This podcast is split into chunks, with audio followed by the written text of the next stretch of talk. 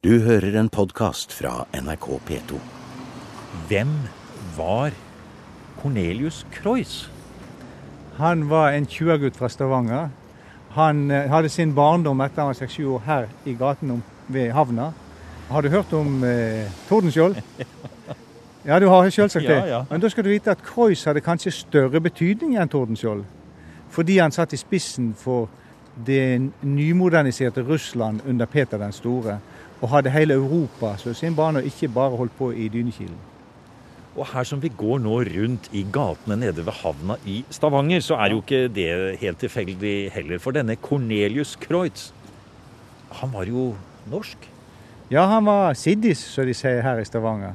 Han hadde barndommen sin ved sjøkanten rett bortom i gata her vi står. Og eh, der lærte han nok helt elementære ting for å bli en sjøens mann. Og det ble han jo, og så havna han i Amsterdam. Og eh, der ble han rett og slett headhunta av Peter den store, som eh, savna den typen kvalifikasjoner som han hadde. Eh, og eh, det som er det spesielle vi må huske på, det er at Peter den store Hvis vi sier det ti av verdenshistoriens mektigste menn, så er han en av de. Så det er dimensjonen for å forstå det. Og da må du tenke på Kreuz, denne guttungen fra Stavanger som kommer opp og fram. Det må jo ha vært en usedvanlig sterk personlighet som faktisk mestrer Peter den store. La oss eh, gå bare over gata her og ut på kaikanten her, så skal vi høre litt mer om eh, Cornelius Croix. Det er historikeren Torgrim Titlestad som forteller historien om tsarens admiral Cornelius Croix.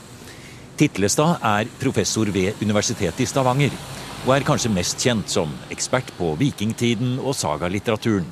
Men Torgrim Titlestad har også forsket i Stalins arkiver og skrevet om den norske kommunisten Peder Furubotn.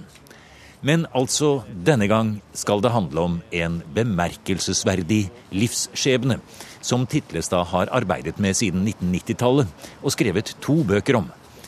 Og det er kanskje ikke så rart, for livsløpet til Cornelius Kreutz tvinner seg på en utrolig måte inn i verdenshistoriens store hendelser på begynnelsen av 1700-tallet. Og det hele starter på et vis her nede ved kaikanten i Stavanger for 350 år siden. Og da het ikke vår hovedperson Cornelius Kreutz. Nei, nei, da heter han Nils Olufsen, fordi faren heter Ole. Dette navnet tar han jo i Holland. Og det er mange interessante gåter og mange som er opptatt av det der. Men eh, Cornelius er jo Nils.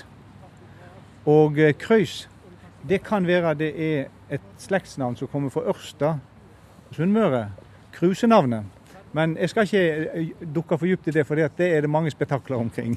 Så denne gutten Nils, han lager seg et nytt navn, et kunstnernavn så å si, når han reiser hjemmefra? Mm, ja, det er det som er tilfellet. Og naturligvis er det navnet da tilpassa det hollandske språket.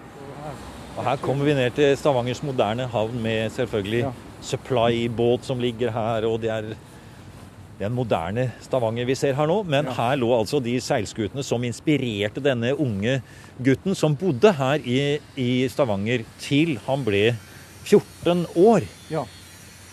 Og da ble han altså sendt ut her, holdt jeg på å si. Han ble sendt til Da eh, forsvinner han sjøs. ut her. Ja. Ja. Det er riktig. Og eh, da begynner hans karriere. Og eh, når vi snakker om hans personligdom, så er jo det at på den ene sida så har han veldig sterk moralsk integritet. Men det er hans kvalifikasjoner du blir fascinert av. Altså Grunnen til at denne mannen må ha vært så sikker på seg sjøl, er at han er så flink. Han er flink i alt. Han er flink som sjøkaptein, han er flink som kartograf. Eh, og du kan sikkert nevne en hel del andre ting. Og når da han er 40 år etter å ha vært på sjøen faktisk i 30 år, så blir han sjefen, en av sjefene i det hollandske admiralitetet for å utruste skip og reparere krigsskip. Og Det betyr jo det at han må jo ha hatt en enorm sans for logistikk og systematikk. ikke sant? Og, og veldig høy kvalitetssans. For når kan du igjen sette ei skute på sjøen? Og da har han bygd opp teoretiske og praktiske kunnskaper for å bygge nye skip.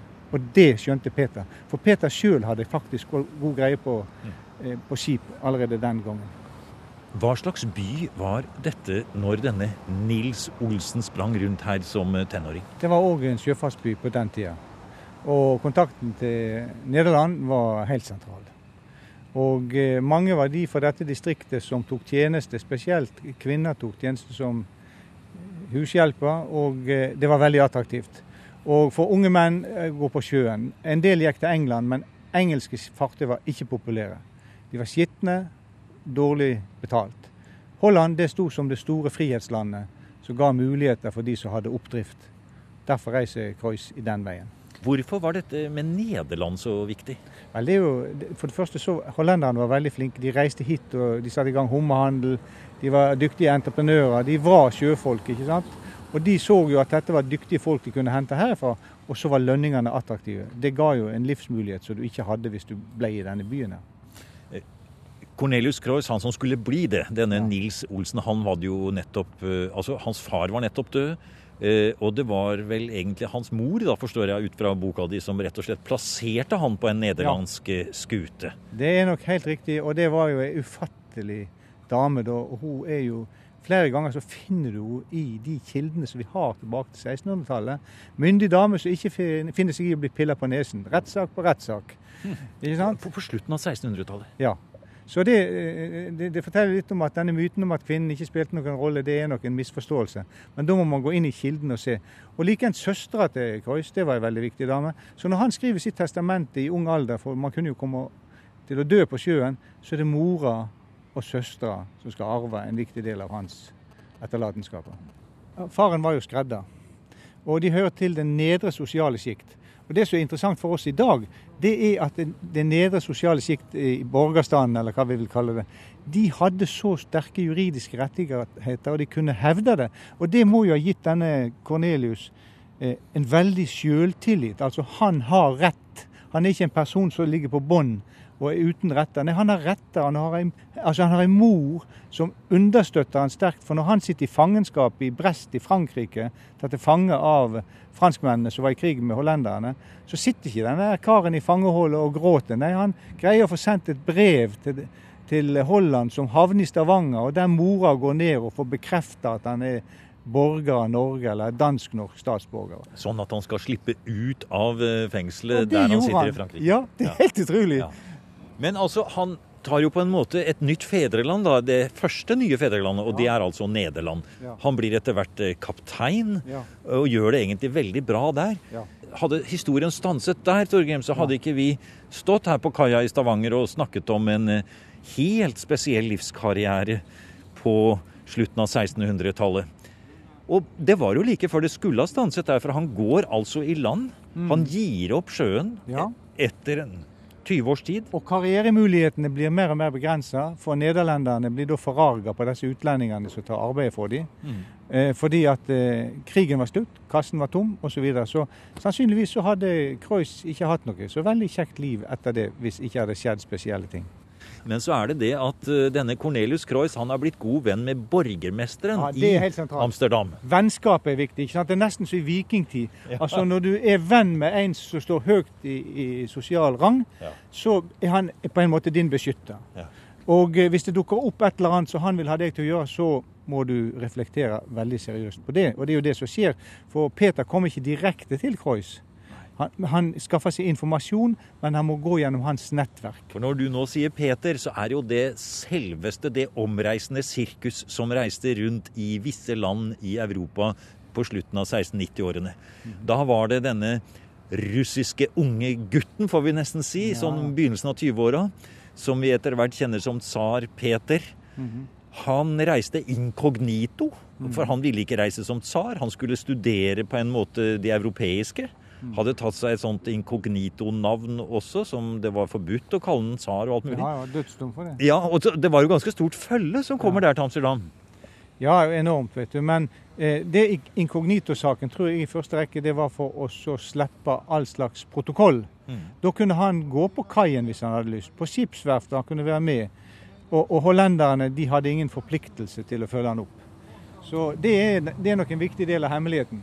Og Der kommer altså dette eh, russiske tsarsirkuset til eh, Amsterdam og er på møter med, eh, med borgermesteren. Det, det, er vel der de treffes, da, Cornelius Kreutz og, og denne unge tsaren. Og Cornelius er jo mye eldre enn ja, denne han, han er det òg. Akkurat i denne perioden så er det sånn at tsaren holder på å miste noen av sine fremste beskyttere som har engelsk-sveitsisk bakgrunn. Så han kommer inn og får på en måte farsrolle, han. Og Grunnen til at den farsrolla blir slik, er jo fordi at tsaren veldig hurtig ser. Han kan stole på denne mannen. Det er en veldig sterk lojalitet. Og så har han de kvalitetene av første klasse som han har bruk for. Ja, hva er det tsaren av Russland er ute etter når han møter denne eh, nordmannen da, som har bosatt seg i Nederland? Jo, problemet er stort for Russland. Eh, Svartehavet er kontrollert av eh, tyrkerne, altså muslimene. Og de herjer og tar stadig slaver helt opp til Ukraina. Og eh, de prestene som er igjen i denne delen av Russland er fortvilt, og de sender bønneskriv på grønneskriv. Til slutt så skjønner Peter at hvis ikke han skaffer seg et forsvar, så kan han bli tatt av tyrkerne. Altså Svenskene behersker Østersjøen, og veien til havet er stengt. Svartehavet er stengt. Den eneste veien Russland kan komme til verden, Europa, det er gjennom Arkangelsk. Og det er jo stengt mesteparten av året pga. is og snø. Og så har de jo ikke noe verken hær eller i hvert fall ikke marine å snakke Nei, om. Nei, det fins det ikke. Og russerne hater sjøen. De har ikke noen handelsmarine, for å si det på den måten. Naturligvis. Men så er det han vil til Europa, for han vil skaffe seg teknologisk kompetanse. Han vil skaffe seg alt som et moderne samfunn skal ha. Og det som er det geniale med Peter, han skjønner det at hvis denne utviklinga skal komme i gang og gå fort, så må han lage en krigsflåte. Han vil, han vil, ha med seg ideer tilbake, og kunnskapsrike mennesker. Ja, og, og det som er da fascinerende, det er f.eks. en mann som Kreuss, som altså er norsk. Eh, han greier i løpet av 10-15 år å rekruttere så mange russere inn til å lære seg sjøfart, ingeniørkunst og andre ting, sånn at Russland etter denne korte perioden begynner å bli i stand til å utvikle seg sjøl med sine egne folk. Altså Kreuz er faktisk i ferd med å overflødiggjøre seg sjøl. Og når han sitter på toppen i det russiske hierarkiet, så er det bare et par utlendinger som sitter der, resten er russere. Så det viser jo på den ene måte hvor stor suksessen i det arbeidet har vært. Og det er klart En mann som Peter han skjønner jo det at når du har en sånn dynamisk person og Der kommer vi inn på individets rolle i historien. For det er klart Peter han kunne fått seg kanskje en annen hollender, kunne fått seg en engelskmann til å gjøre dette arbeidet sitt. Men det som historier med de andre eh, engelskmenn, franskmenn, sveitsere viser i Russland, det for det første de var ikke lojale nok. For mange av de drakk for mye. De var korrupte. Alt dette svineriet som han ville bli kvitt, det fant han ikke i denne mannen fra Norge. Han var ikke korrupt. Og han hadde òg en religiøs standard som var viktig for han, og det har sikkert med hans oppvekst her i Stavanger å gjøre. For eh, vel alle bekjente seg til kristendommen naturligvis i Europa. Men han ser vi av dokumentet, han prøvde å leve som en anstendig kristen person. Ja, for saken er jo at når han setter opp uh, sine krav til den russiske tsar, om han skal uh, være med bort og bygge opp den russiske marine Et av disse kravene er jo det du er inne på her nå, han krever å få ha med seg en lutheransk prest. Ja. Og det han gjør eh, etter en stund, er jo også å bygge sin egen kirke også. Ja, ja. Han eh, bygger opp eh, vesentlig ikke-ortodoks kirkeanlegg, en slags økumenisk menighet i St. Petersburg. Og dette likte Peter, fordi at det er Peter som den lærde personen på mange måter var. Han var mye mer lærd enn vi forestiller oss. Han skjønte at det lutheranske, protestantiske mennesket det var et energisk menneske som var dreven av oppdrift. Så han så dermed òg kan du si, protestantismen som et viktig bidrag til Russlands utvikling, selv om han naturligvis støtter den russiske kirke. Men han prøvde òg å reformere den russiske kirke. Og her går vi altså bare noen skritt fra havna nå, forbi oljemuseet som vi har gått. Kommer inn i et uh, lite torv her, får vi vel nesten si med et moderne kjøpemarked eh, i Sølvberggata her, og et trehus ved siden av. Og det står en statue foran oss her, midt i alt dette byggearbeidet og parkeringskaos og alle de lydene vi hører her. Jeg skulle nesten tro Jeg holdt på å si Ja, er det ikke Peter Wessel, da? Nei, det er nok Cornelius Kreuz, du. Og, og, dette er jo det utrolig vi fikk dette monumentet som Inge Stensland ga Stavanger. Men dette skulle jo òg hatt en kopi på Rådhusplassen i Oslo. Ja, Eller kanskje sammen med Tordenskjold. Ja. En halv meter høyere. Ja, for det er jo på samme tid også, ja. ikke sant? Og vi står her og ser nå De kjenner hverandre på en måte. De kjente hverandre, ja. For han hadde jo med seg Var det broren Eldste til broren Til, ja, ja, ja. Men ikke bare det, men faktisk eh, Rudolf, sønnen til Cornelius Kreuz, han eh, reiser for Russland i 1715 fordi han er misfornøyd. Faren jo, hadde hatt alvorlige problemer med russerne. Så han reiser tilbake til Skandinavia, blir kaptein, løytnant, i den dansk-norske flåten og jobber sammen med Tordenskjold. Ja, og det ser ut som litt sånn samme type positur. Vi ser en mann her nå, han krøllete hår. Han har selvfølgelig admiralsuniformen sin på seg her. Han har en stor hatt i hånden. Så står det under her, eh, kan du lese for oss hva som eh, står der? eh, Admiral Cornelius Greuss, Stavanger, født 1655. Død i St. Petersburg 1727. Reist av Inge Stenslands stiftelse. November 2000. Utført av Per Ung. Ja. Vi må gå litt bort her nå, Torgrim, for det bråker så mye her i Stavanger. Det er byggeplass her. Vi må dessverre nå gå litt bort fra den store, flotte bronsestatuen av Cornelius Croix. Men vi fortsetter historien. Ja, og det, du kan si det som kanskje er Kreuzes største bragd, bortsett fra bygginga av den russiske marinen, det er slaget ved Poltava. Historiker Torgrim Titlestad forteller levende og detaljert om hele den utenrikspolitiske forhistorien til den store konfrontasjonen mellom Sverige og Russland. Det er den legendariske Karl 12. som i 1709 marsjerer mot Moskva. Men da er hans marine allerede svekket av sterk motstand fra befestningene Cornelius Kreutz har bygget ved Kronstadt utenfor den nye byen St. Petersburg. Dette er en sterkt medvirkende årsak, sier Titlestad, til at svenskene lider et så knusende nederlag ved Poltava i 1709. Og ikke bare hadde den opprinnelige tjuagutten fra Stavanger på dette tidspunkt bygget en imponerende effektiv russisk marine, befestet arkangelsk og reformert det russiske byråkrati. Han var også en ledende kraft i selve byggingen av St. Petersburg, og ikke minst den militære befestningen av det nye Russlands ansikt mot vest. Ifølge Tamaramasho da, så var han den som var hovedansvarlig for utbygging av byen når det gjaldt konstruksjoner, byggverk osv. Vanligvis så sto det alltid en russer på toppen, eh, en som ikke hadde så mye greie på det, for, av hensyn til at Peter ikke skulle provosere adelen for mye. Så du kan se når, når Kreuz hadde vært opptatt med marinen fra 1697 la oss si til 1706 og gjort den dyktige jobben der, så visste Peter at hvis han setter han inn som en ledende administrator av bygginga i St. Petersburg, så vil det sannsynligvis òg gi veldig stor uttelling. Og det gjorde det. Altså, Hvorfor er det da sånn at dette ikke er allment kjent, og hvorfor er det ikke slik at alle vet dette, og at dette er en person som alle er stolt av i Norge og sånn? Ja, Det har jo litt med vår eh, tradisjonelle måte å tenke historie på. Vi bygger ett bilde. sant? Og det er vanskelig å få endringer i disse bildene, for hva skjer da med de andre aktørene i bildet? Det er én ting, og det har med politikk å gjøre. altså. Ja, ja, Men har det ikke også noe med rett og slett eh, kunnskapen om dette, da? Kildene til det? Ja, det er jo det helt sentrale. Det utrolige er jo at disse kjeldene har vært tilgjengelige for 1820-tallet.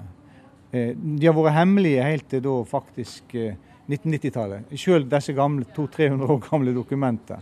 Og eh, du kan si Gorbatsjov innledde jo den epoken som gjorde det mulig for oss på nytt å finne Cornelius Kreuz.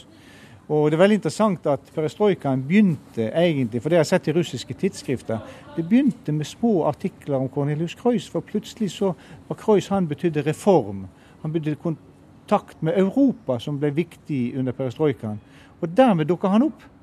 Og så var det tilfeldigvis sånn at jeg var opptatt av Croix i Norge. Tamara Masur og hennes miljø i St. Petersburg. Nå fikk de nye arbeidsvilkår. Som er en russisk eh, historiker. Ja, russisk eh, historiker. Så det var, det var rett og slett litt av historiens vinder blåste i samme retning. Jeg må pakke den opp her ja. og legge den ut, for da kan du se hvordan dette her henger sammen i flere ledd. Men dette er en stor plansje. Slutten på historien om Cornelius Croix er like fargerik som starten. Han blir dødsdømt av tsaren, tatt til nåde igjen, blir nektet hjemreise, men dør til slutt over 70 år gammel i sitt hus i St. Petersburg, ikke lenge etter at tsar Peter den første selv har gått ut av tiden. Her ser du altså I denne plansjen her, så ser du Cornelius og Katarina her først. Og så hadde han fem barn, men tre av dem døde. Så det er, eh, er altså han, jeg skal følge han Rudolf, for han levde Der har vi sønnen Rudolf, ja. Der har du sønnen Han som Rudolf. kom til København og ble kaptein der og arbeidet. Men selv om Kreutz finner sin grav i Russland, lever det fortsatt etterkommere den dag i dag i Stavanger. Bøyd over en plansje på over 2,5 meter med bokser, piler, navn og fotografier, forklarer slektsforsker professor emeritus Øyvind Dahl hvordan en av slektstreets grener har buktet seg tilbake til utgangspunktet. Og denne grenen følger sønnen Rudolf, som reiste fra familien i St. Petersburg for å ta hyre i den danske marine i København. Han hadde også to ekteskap, for den første kona døde i barsel, og han ville kalle det barnet for Cornelius Kreuz eh, etter, eh, etter faren. Men så giftet han seg igjen da med en hollender, og de fikk sønnen Johannes Kreuz. Eh, Og, og han ble jo da født selvfølgelig i København, for det var der Rudolf bodde. Eh, Og eh, denne Johannes Kreuz Det står i historiebøkene som jeg har funnet om han, at han var ugift all sin dag. Og da er det enda mer merkelig at navnet kom tilbake hit. Men eh, det var jo sånn den gangen som det er nå, at det går an å få barn selv om man ikke er gift. Mm. og slik var det også med Johannes. For han fant en dame som heter Mette, Hansdatter. Og med denne Mette, Hansdatter så fikk han en datter som heter Adriane Johanne Kreuz. Og, og Det er så morsomt å følge deg her nå, Øyvind, for du peker på bokser etter hvert som du forklarer. Ja, og for hver gang du tar et skritt med fingeren din her, så kommer du nærmere og nærmere i vår tid. Ja, altså Adriane er jo da oldebarn av Cornelius Kreis, bare for å ha den linjen klart. Og hun giftet seg da med Morten Henrik Magnus i København. Og så reiste de med båt til Stavanger. Og han eh, var først prest i, Nestrand, og så ble han sogneprest i Skjold. Og han er mest kjent kanskje som sogneprest i Skjold, men han var elleve år inne i Nestrand. Og Adriane hun fikk sju barn sammen med han. Eller han fikk sju barn med henne, kanskje vi skal si det sånn. Eh, Men så ble hun syk, og hun døde da i, eh, i 1799. Og da var hun her i Stavanger for å få behandling eh, for sykdommen sin. Men hun døde, og hun ble begravet i Stavanger kirkegård. Og det er altså rett inntil domkirken her i Stavanger. Og, etter hva de forteller, så ble hun gravlagt inntil kirkeveggen eh, her Ja, rett borti gaten her. Fantastisk. Det er helt utrolig. Og da kan vi telle antall generasjoner da, fra han eh, Cornelius Preus. Og, og når vi kommer til den siste generasjonen, hvor mange ledd er det da? Hvis vi regner Cornelius som den første, så er det to, tre, fire, fem, seks, sju, åtte, ni, ti, elleve, tolv. Da har jeg altså regnet med Cornelius. Da har det blitt tolv. Altså det er elleve generasjoner etter Cornelius Kreuz. Og flere av disse lever altså i Stavanger eller i Rogaland. Og, eh, veldig mange av dem. Og eh, av skipsbyggerne så var det altså onkelen til min kone. Han heter Sigurd.